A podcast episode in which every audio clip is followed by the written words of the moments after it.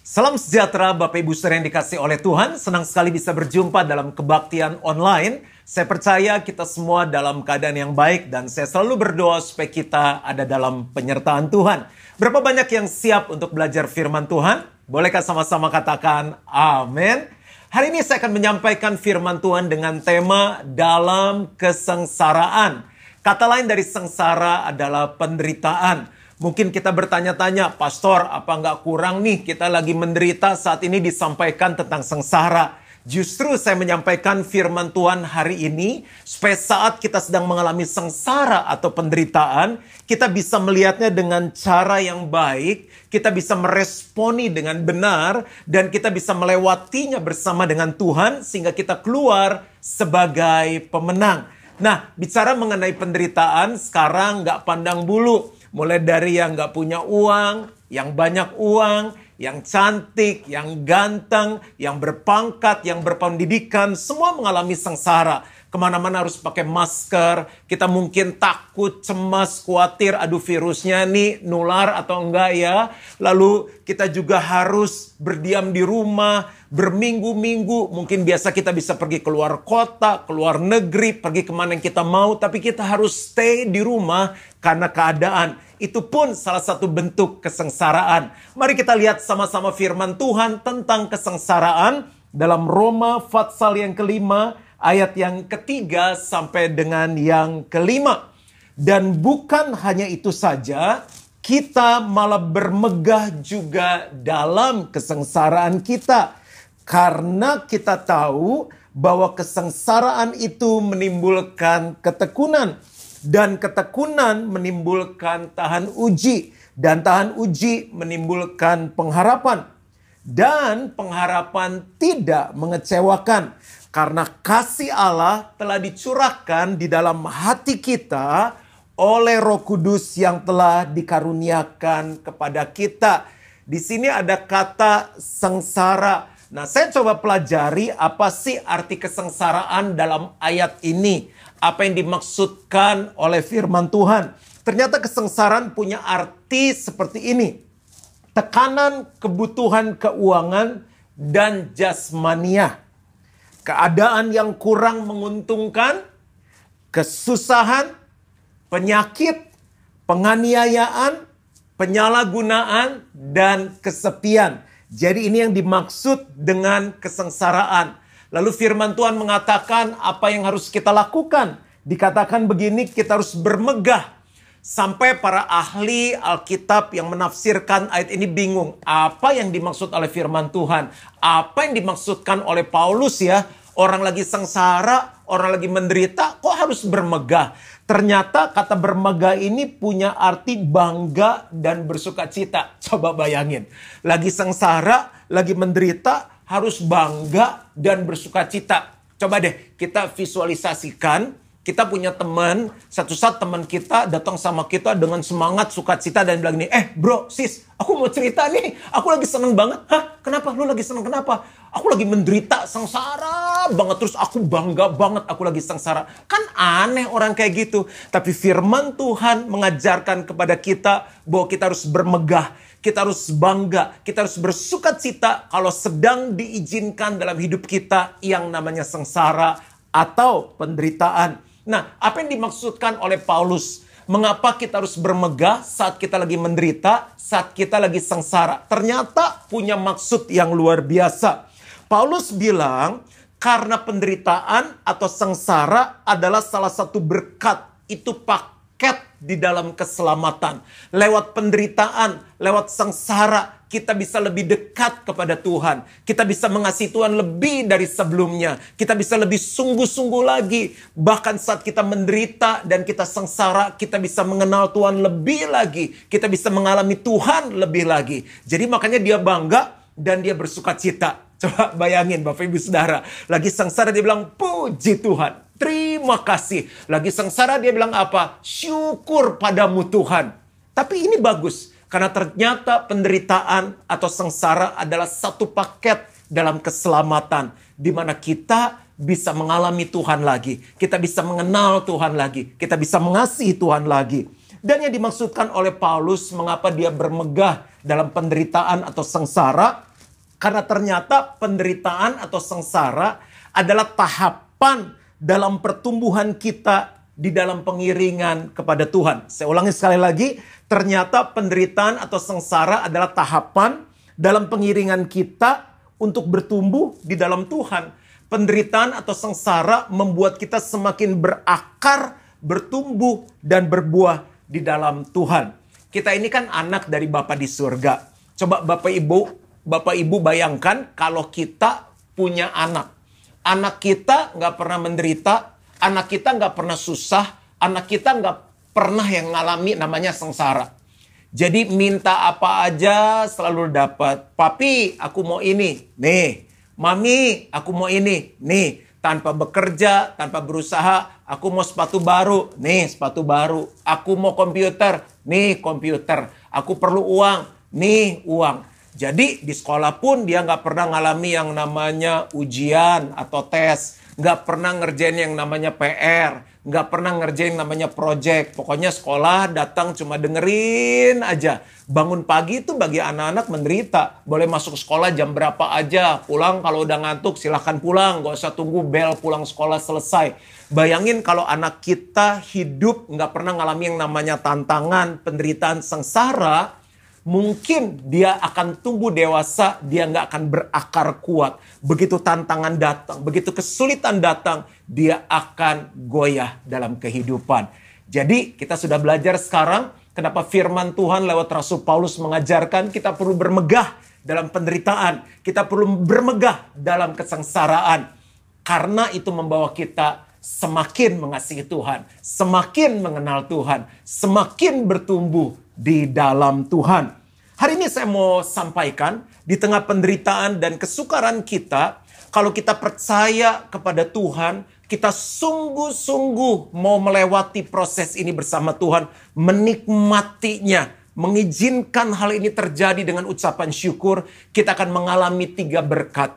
Tiga berkat saat kita melewati sengsara itu bersama dengan Tuhan. Apakah kita siap? Semuanya diambil dari firman Tuhan.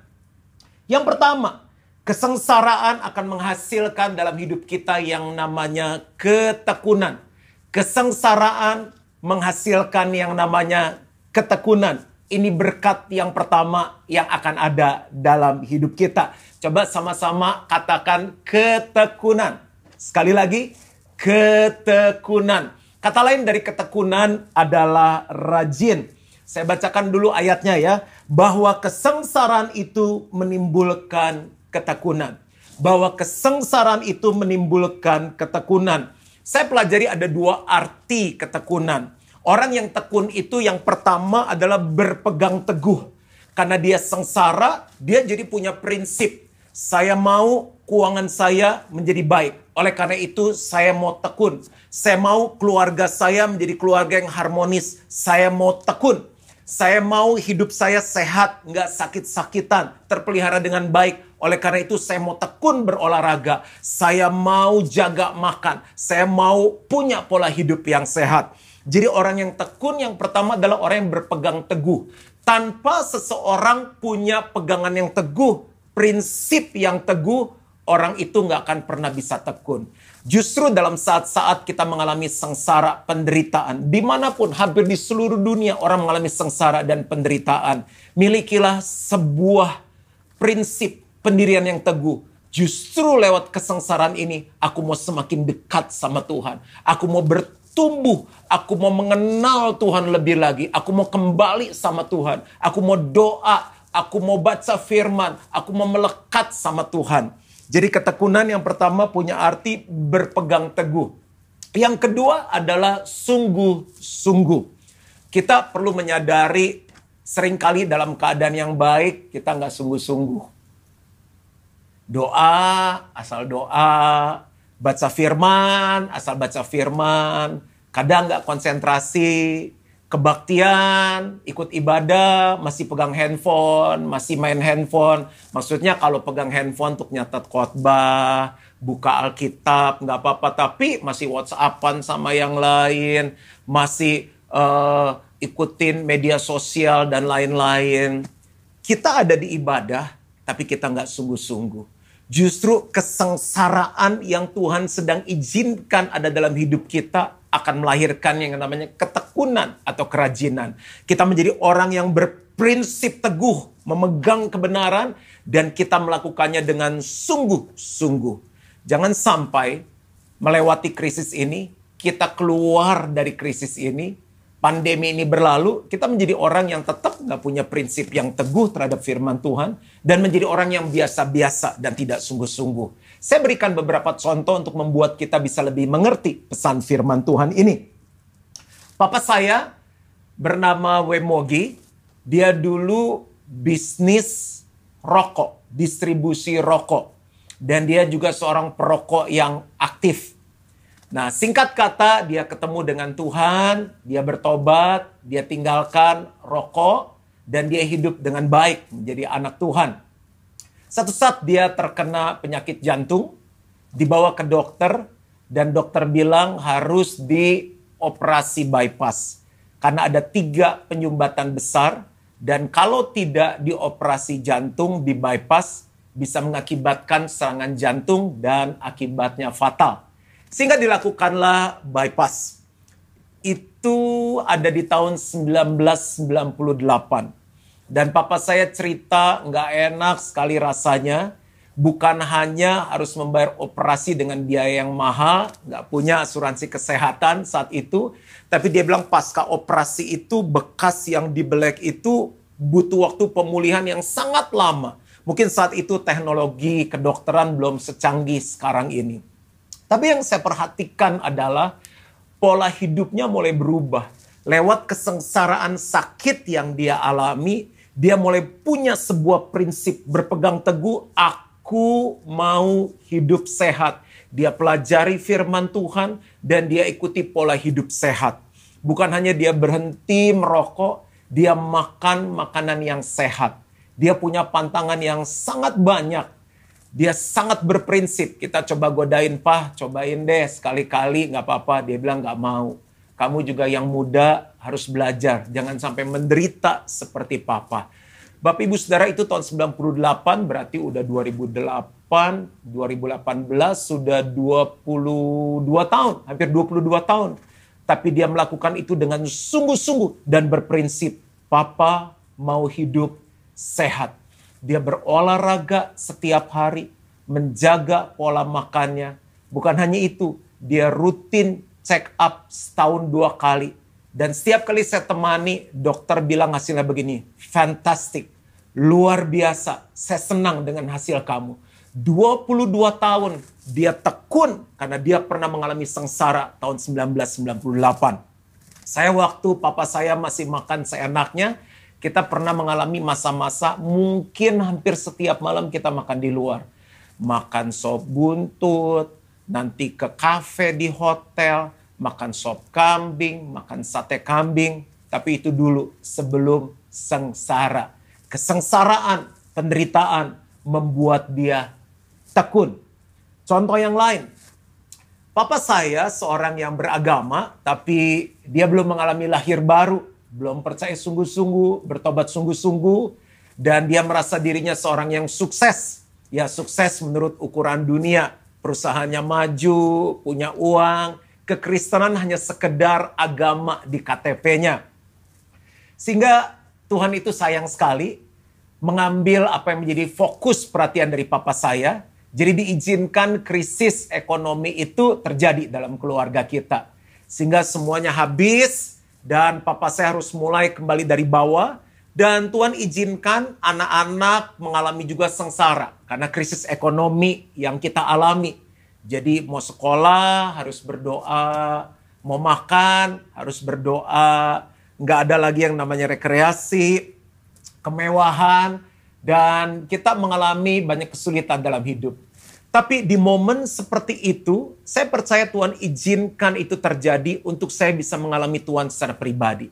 Sehingga saya mempelajari firman Tuhan, dan firman Tuhan mengatakan begini, aku mau memberkati kamu. Ya berkat nggak selalu bicara tentang uang. Keselamatan itu berkat, kebahagiaan rumah tangga itu berkat. Tapi salah satunya adalah keuangan. Nah di area keuangan ini, saya bilang sama Tuhan, saya mau hidupi semua firman Tuhan dan juga di area keuangan ini. Ini membuat saya memegang teguh prinsip-prinsip keuangan secara Alkitabiah dan dengan sungguh-sungguh saya mempraktekannya. Saya lahir baru tahun 1987, umur 14 tahun. Berarti sekarang mungkin sudah 97, 2007, 2017, sudah mungkin 33 tahun saya lahir baru. Saya nggak pernah absen sekalipun untuk melakukan prinsip keuangan dalam hidup saya. Karena saya pernah mengalami sengsara, pernah mengalami penderitaan, dan saya pegang prinsip, saya mau mengalami berkat Tuhan dalam hidup saya. Setiap bulan saya tidak pernah absen mulai dari saya lahir baru mengembalikan yang namanya perpuluhan yang menjadi milik Tuhan. Saya lakukan yang namanya memberi, saya mencatat keuangan, saya mengatur keuangan, membayar tagihan tepat pada waktunya, saya mulai mengelola, manage keuangan dengan baik. Saya mulai menabur ke mana Tuhan gerakan hati kami untuk menabur. Menabur untuk misi, menabur untuk orang yang memerlukan pendidikan, menabur untuk orang yang sakit, dan lain sebagainya. Jadi kesengsaraan, penderitaan membuat kita bisa tekun, bersungguh-sungguh. Contoh lagi, dalam masalah virus yang sedang kita hadapi sekarang ada orang, orang percaya, orang Kristen justru saat COVID ini melanda malah hidupnya semakin seenaknya.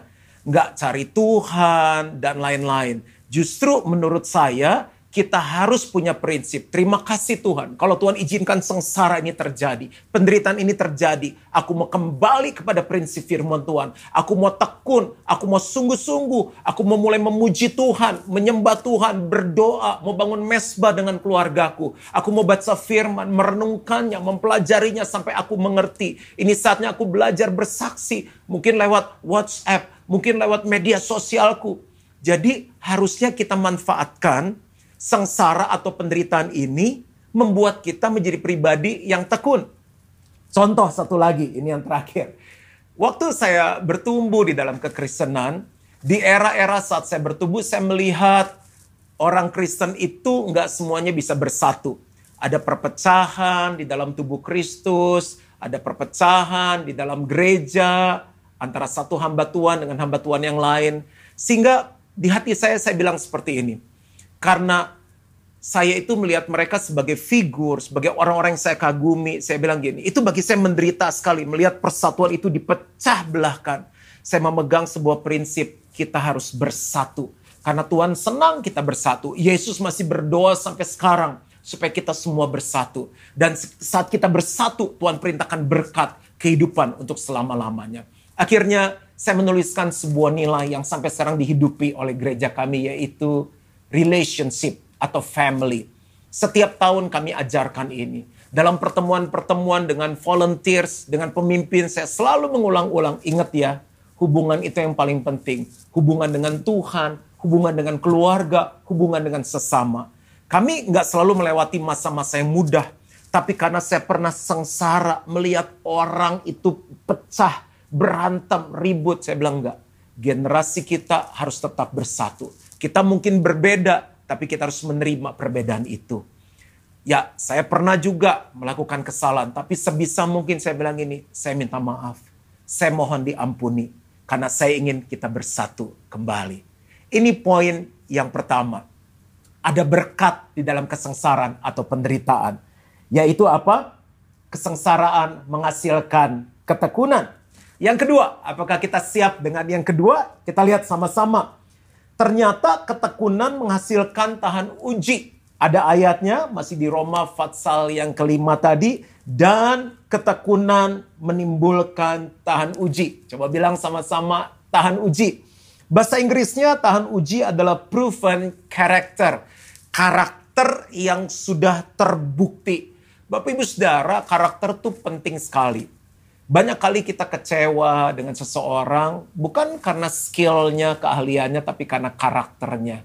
Hanya kesengsaraan yang bisa membuat orang tekun dan ketekunan yang bisa menghasilkan apa? Karakter yang baik. Tahan uji. Nah bicara mengenai tahan uji, itu saya temukan beberapa arti waktu saya pelajari firman Tuhan. Jadi Bapak Ibu Saudara, dengar baik-baik, setelah pandemi ini berakhir, bahkan saat pandemi ini sedang berlangsung, kita akan menjadi orang-orang yang tahan uji. Tahan uji yang pertama punya arti gini, punya daya tahan. Firman Tuhan bilang hari-hari akan semakin jahat. Kita nggak tahu apakah pandemi ini yang terakhir. Mungkin ada goncangan lain yang akan terjadi. Karena firman Tuhan bilang segala sesuatu yang dapat digoncangkan akan tergoncangkan. Tapi jemaat Gilgal, kita sebagai orang percaya akan punya daya tahan. Itu yang pertama. Kesengsaraan membuat kita punya daya tahan. Yang kedua, tahan uji punya arti kita menjadi dewasa. Bapak Ibu Saudara, kalau kita mau menikah kan kita mau cari calon kita yang dewasa ya. Kalau kita mau hire orang, mempekerjakan orang di perusahaan kita, kita pengen orang yang dewasa. Demikian juga Tuhan. Tuhan mau kita bertumbuh dewasa. Nah dewasa punya arti begini, bagaimana kita bereaksi menghadapi keadaan. Bagaimana kita bereaksi menghadapi keadaan. Orang yang sudah mengalami yang namanya sengsara, mengalami yang namanya penderitaan, sulit lagi untuk sombong, sulit lagi untuk jadi anak-anak. Karena kesulitan hidup menempa dia menjadi dewasa. Dewasa bicara mengenai cara berpikirnya. Cara berpikirnya dewasa. Jadi serupa dengan Yesus, serupa dengan firman Tuhan. Cara berkata-katanya juga dewasa. Nggak lagi seenaknya, nggak lagi nyakitin orang, nggak lagi angkuh, nggak lagi sombong, tapi penuh dengan kerendahan hati. Cara bertindaknya serupa dengan Kristus. Dia selalu memikirkan, kalau Yesus jadi saya, apa yang Yesus akan lakukan. Jadi bicara mengenai tahan uji, pertama adalah punya daya tahan, yang kedua, orang itu menjadi dewasa. Yang ketiga, orang itu menjadi soleh. Jadi dari tahan uji keluar kata yang namanya soleh atau saleh. Saleh bahasa Inggrisnya adalah godly. Bahasa Indonesia adalah menjadi orang yang beribadah. Kita jangan pikir orang yang datang ke gereja tiap minggu rajin, bawa Alkitab, duduk, nggak pernah terlambat, puji-pujian, dengar firman, ngasih persembahan dan pulang adalah orang beribadah. Enggak. Justru dilihat bukan hanya hari minggunya selama satu atau dua jam, tapi Senin sampai Sabtu. Selain dia ke gereja, apakah hidupnya beribadah? Di keluarga, di kantor, di mana pun dia berada. Ternyata orang beribadah punya definisi seperti gini. Orang soleh punya definisi seperti ini. Orang itu menyadari segala sesuatu adalah dari dia, oleh dia, dan kepada dia. Bagi dialah kemuliaan sampai selama-lamanya. Saya ulangi sekali lagi orang soleh atau orang yang beribadah adalah orang yang menyadari segala sesuatu. Kepintarannya, bisnisnya, kekayaannya, kehebatannya adalah dari Tuhan. Dan oleh Tuhan. Dan bagi Tuhan segala kemuliaan. Saya coba jelaskan sedikit. Orang kalau udah melewati teku, uh, kesengsaraan, orang kalau udah lewati penderitaan, dia menjadi soleh. Dia menjadi soleh. Artinya dia nggak berpikir semuanya karena aku tapi semuanya dari Tuhan. Orang yang soleh menyadari semuanya dari Tuhan.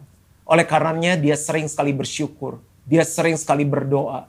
Dia selalu bilang, Tuhan, di luar engkau aku nggak bisa buat apa-apa.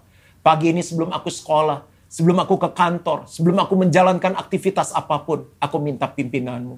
Di luar engkau, aku nggak bisa buat apa-apa. Dia selalu bersyukur, dia selalu memuji dan menyembah Tuhan. Lalu yang berikutnya orang soleh adalah orang yang menyadari segala sesuatu adalah oleh dia.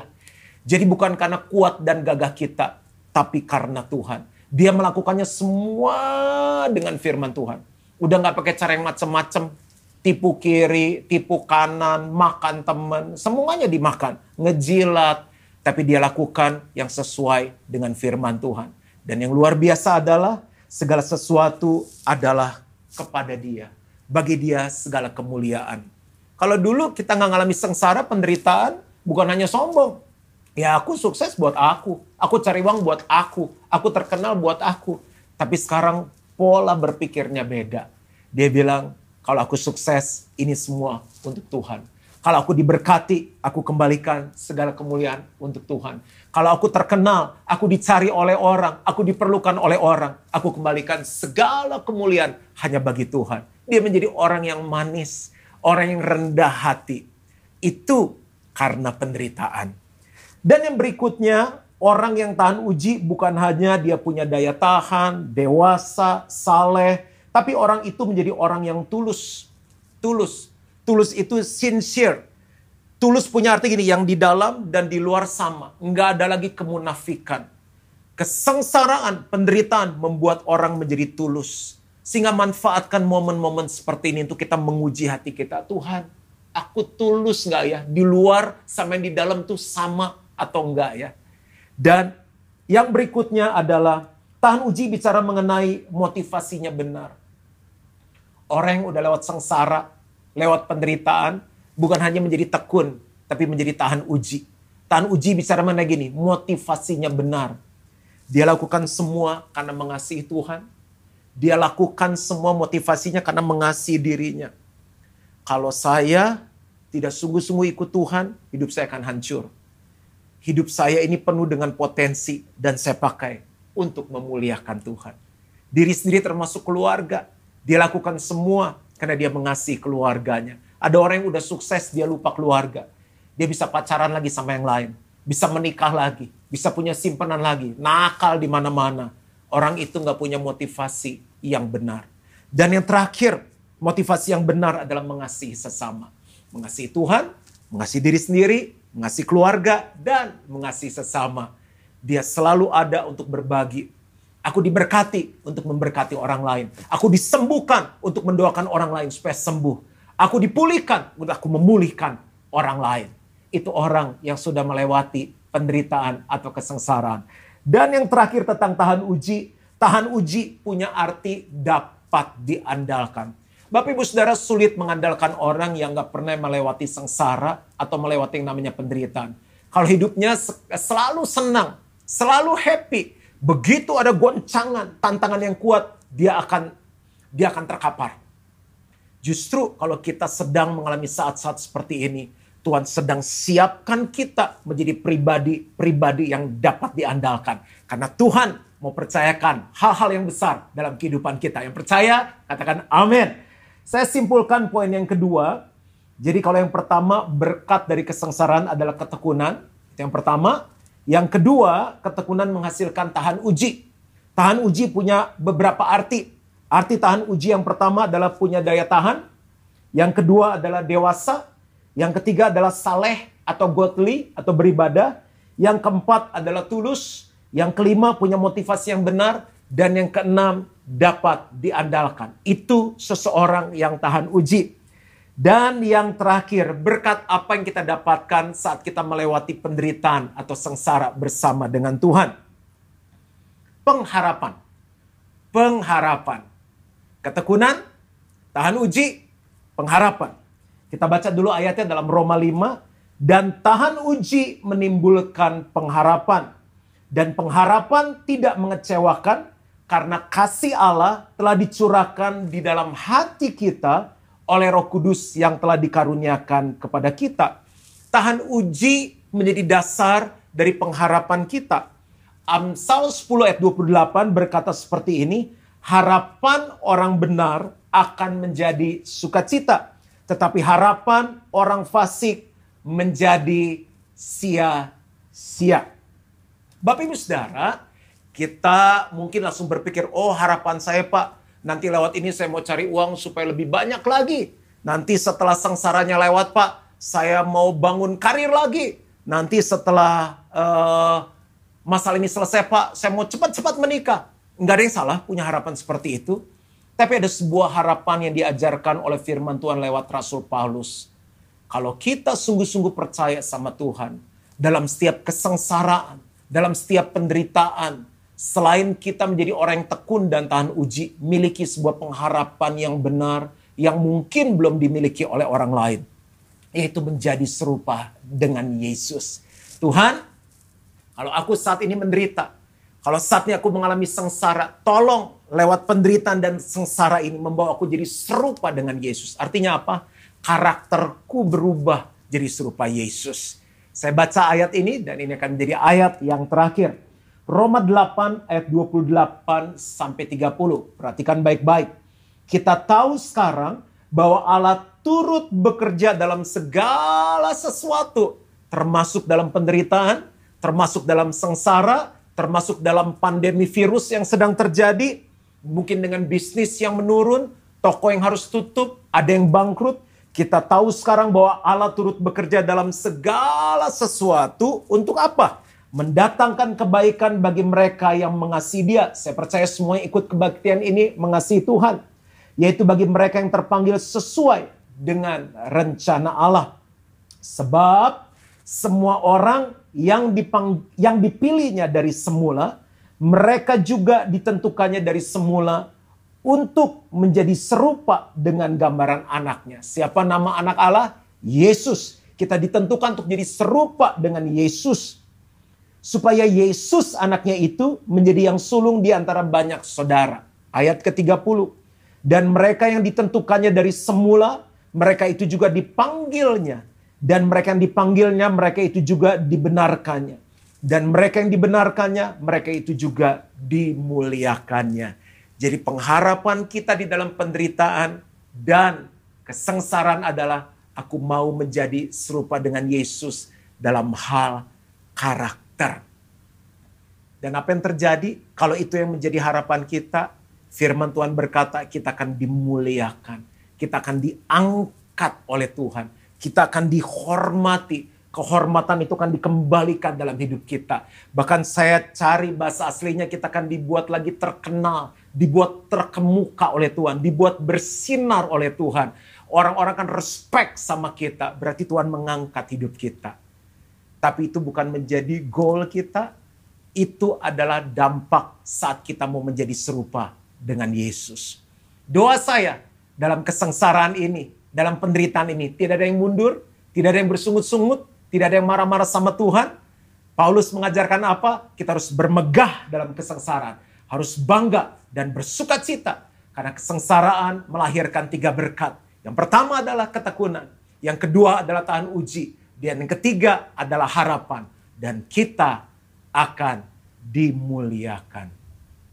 Yang kurindukan hanya kau Yesus nyatakan pribadimu dalam hidupku.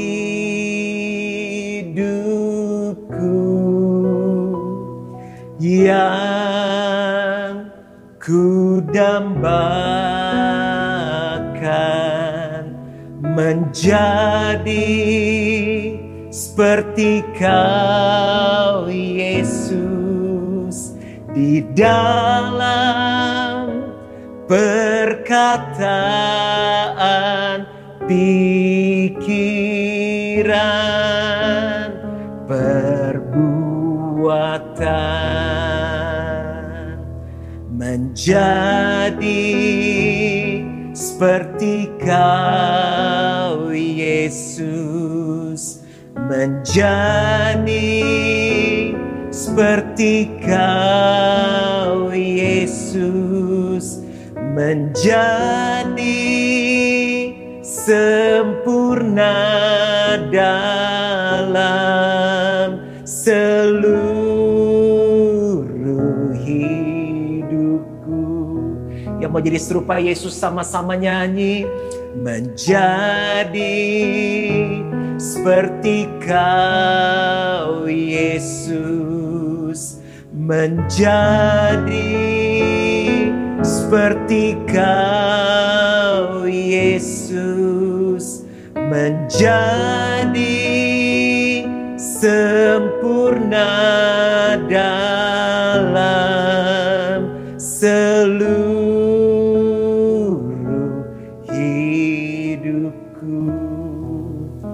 banyak Bapak Ibu Saudara yang dalam penderitaan, kesengsaraan, mau bermegah di dalamnya.